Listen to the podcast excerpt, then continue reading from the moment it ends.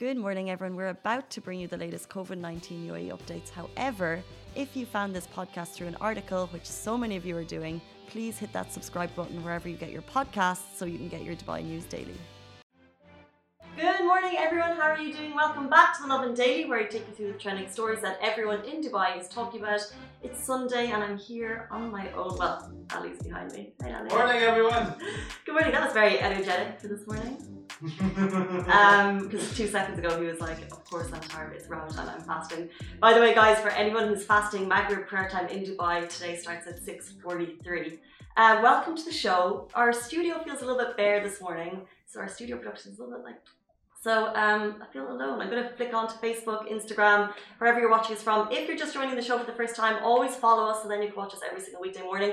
Today we're going to be talking about rent freezes in Dubai. This is a proposed law, and if it comes into place, it means rent could freeze for three years. So if you have any thoughts on that, drop them in the comments below. I'd love to get your thoughts on it. We're also be talking about the 100 Millions Meal campaign. This is the biggest campaign of its kind to help eradicate hunger, started here in the UAE. And also the fact that young fans mobbed Conor McGregor, who, yes, he's still in Dubai, outside a UFC gym in JBR. Before we get into it, how are you all doing? What's up on this Sunday morning? Ali, you're tired or energetic? I don't even know. Which way is up? That what? was only the good morning. And now it's back to sleep. Yeah. How was your first few days of Ramadan? How are you uh, doing?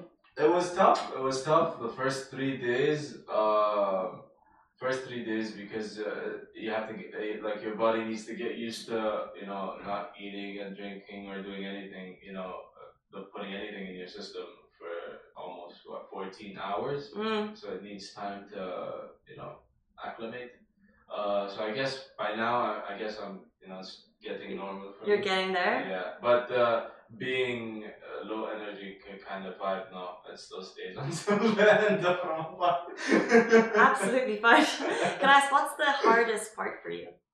Uh, do you uh, think? Hardest part? Uh,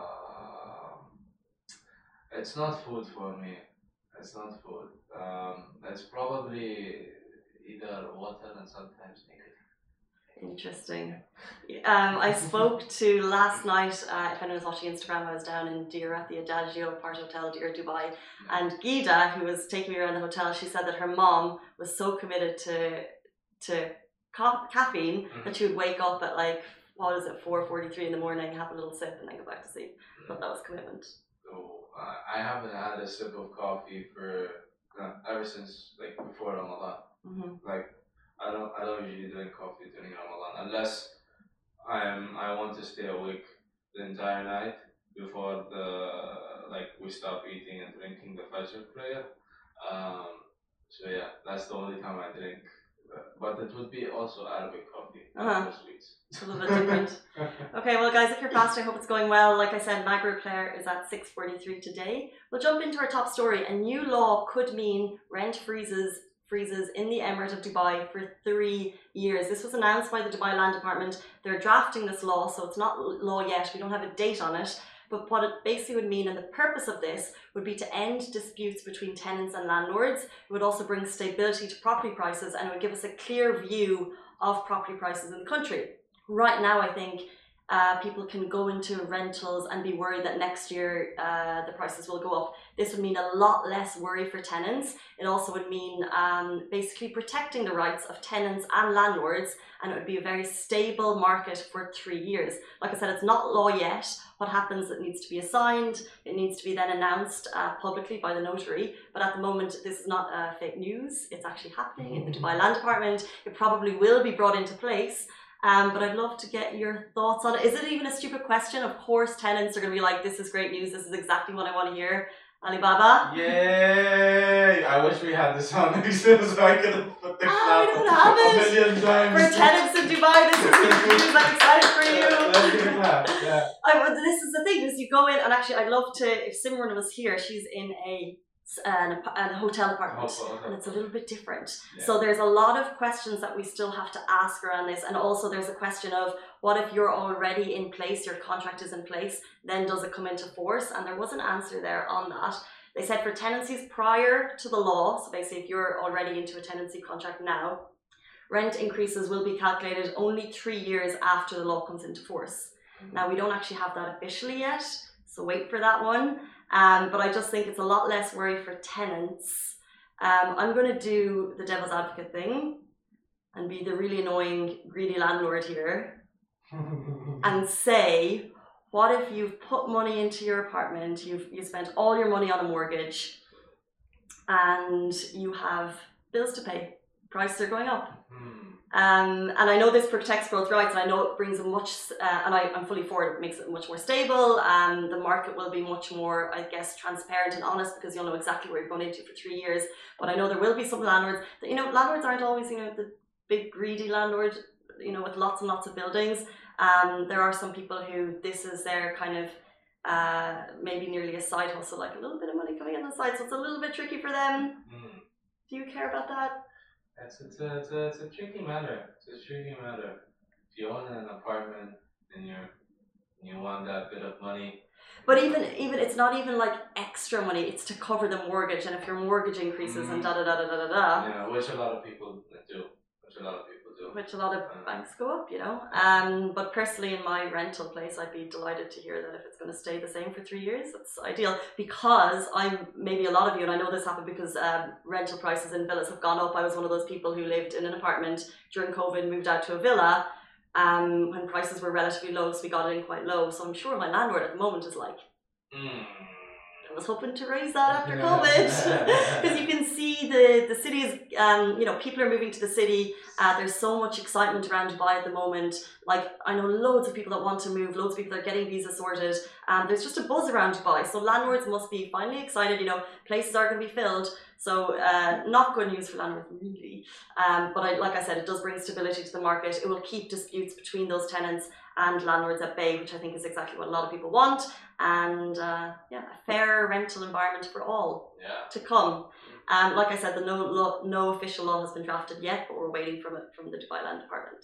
Lovin Extra is here. This is the new membership, and while absolutely nothing changes for our readers, extra members get access to premium content, exclusive competitions, and first look for tickets and access to the coolest events across the city, and Lovin merch. If you subscribe right now, a very cool Lovin Red Eco Water bottle will be delivered to your door. We'll move on. Amazing news coming from Dubai. The 100 million meals campaign has hit 78 million meals in just seven days. So that's 78% of their target. The aim, of course, is 100 million meals in 100 million meals. The aim, of course, is 100 million meals. We need to get to 100% of the target. The aim is to provide food parcels to disadvantaged countries across 20 countries in the MENA region. And the fact that we got 78 million in seven days is astronomical. It's just really incredible. We're seeing donations coming in from all over. The Dar Al Ber Society, the Lulu chairman Yusuf Ali, he donated 1 million meals. Huda Beauty donated 1 million meals. So what that basically means is they're donating 1 million dirham. Because for every dirham you donate, and this is just for, it's not just kind of rich people getting involved, um, doing their bit for society during Ramadan. If you donate one dirham, that's the equivalent of one meal which will be brought to uh, communities in lesser off countries that need it. This started actually last year in 2020 um, when they did a local 10 million meals campaign in the UAE. With the success of that and joining forces with uh, international initiatives, now they're moving worldwide. And now it was actually announced by His Highness Sheikh Mohammed bin Rashid Maktoum, Vice President and Prime Minister of the UAE and ruler of Dubai. He tweeted this last Sunday. And with the force of that tweet, with the excitement of that tweet, that has led to 78 million meals being donated and food parcels are already distribu- being distributed. So I think in Jordan, Egypt, and Pakistan, they're already seeing the benefits of this. They're already getting those food parcels, which is incredible. Um, and then when we move on, it will be Sudan, Lebanon, Jordan, Syria, uh, Sierra Leone, Pakistan, Ghana.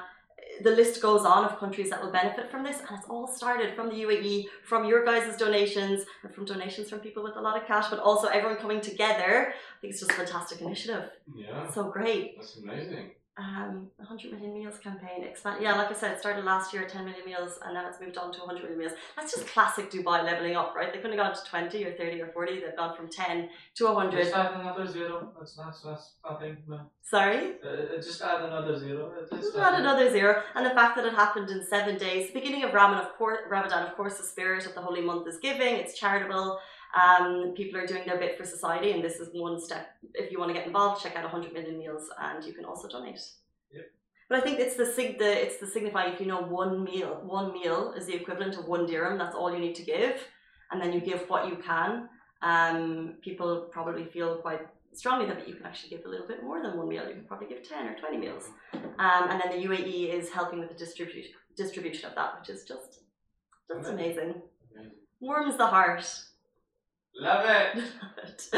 Um, let's move on to our final story. We're talking about Conor McGregor. He's in Dubai and he was pretty much mobbed by young fans at the UFC gym in JBR. So you might have thought after losing to Dustin Poirier in Abu Dhabi in January that the Dubai dream or the UAE dream for Conor McGregor was over. It is not. He is living his best life. We know he loves a flash life. So not only is he living his best life with his family and posting super cute videos, super cute photos. We see him at the beach. We see him working out at the Palm. We see him also working out at this gym in JBR. Um, we see him with fancy cars. We see him with Rolexes. Like I think Dubai and Conor McGregor was a match that was always going to happen. Mm-hmm. Um, following his loss in January, he left. We didn't know he was going to come back. Now he's all over social media. He is back. Um, and not only is he living his best life, living his best Dubai life, he's also still working out. And did you know He's gone against Dustin Poirier again. Again in June. Of course, you knew you're a massive UFC fan. This is news to me. um, so I do. I do. It's, it's simple. It's massive news, right? Yeah. UFC 264 in Vegas. Mm. Let's see. This is the third one. Let's see, Conor. Can he do it? He'll do it. Should he do it? He'll do it. Because he's had two kind of famous losses recently, right? The Khabib and this yeah. last fight. Um, like it, his whole persona, his whole personality is about being a showman mm. and just saying that no matter what he's going to win, so he has to go into it with that mentality, with that attitude again. So you just hope it's it's all to play for. Mm. I think I think we need uh, we need Khabib to come back instead of maybe that Khabib fight needs to happen. Everyone wants Khabib to come back. Yeah. That maybe that rematch needs to happen. That rematch needs to happen. Yeah, it's so interesting when fighters retire, and sometimes when you, you hear about them a lot, but Khabib is really just kind of receded back, take his time yeah. in Dubai a lot. But I guess he obviously had a really tough year, mm, like everyone. He lost his dad. You know. Um, so take that time, Khabib, and fans want you back. Uh, but that's cool. So McGregor down in UFC, uh, the UFC gym in JBR. What he did was he posted like I'd say 25 videos of him working out. So fans just knew, especially if you're a young fan um, and you're into UFC Dubai, they knew exactly where he was. And he ha- he gave them a little time. If you're watching the videos, like he didn't just walk past and do that strut and kind of pompous. He he was I think. Yeah, actually, yeah, actually said, oh, okay, yeah, yeah, I'll sign, sign a couple of autographs, take a couple of photos, and leave. I mean, if that if that's like a massive sports star, and you're, you know, that's gonna make a kid's day, mm-hmm. week, month, year, and if they have that going to school, I assume everyone like sanitized straight after and all of that. Yeah, one, uh, one, I think one, one person that I know uh, actually took a video and a picture of them. Uh-huh. Um, was this there?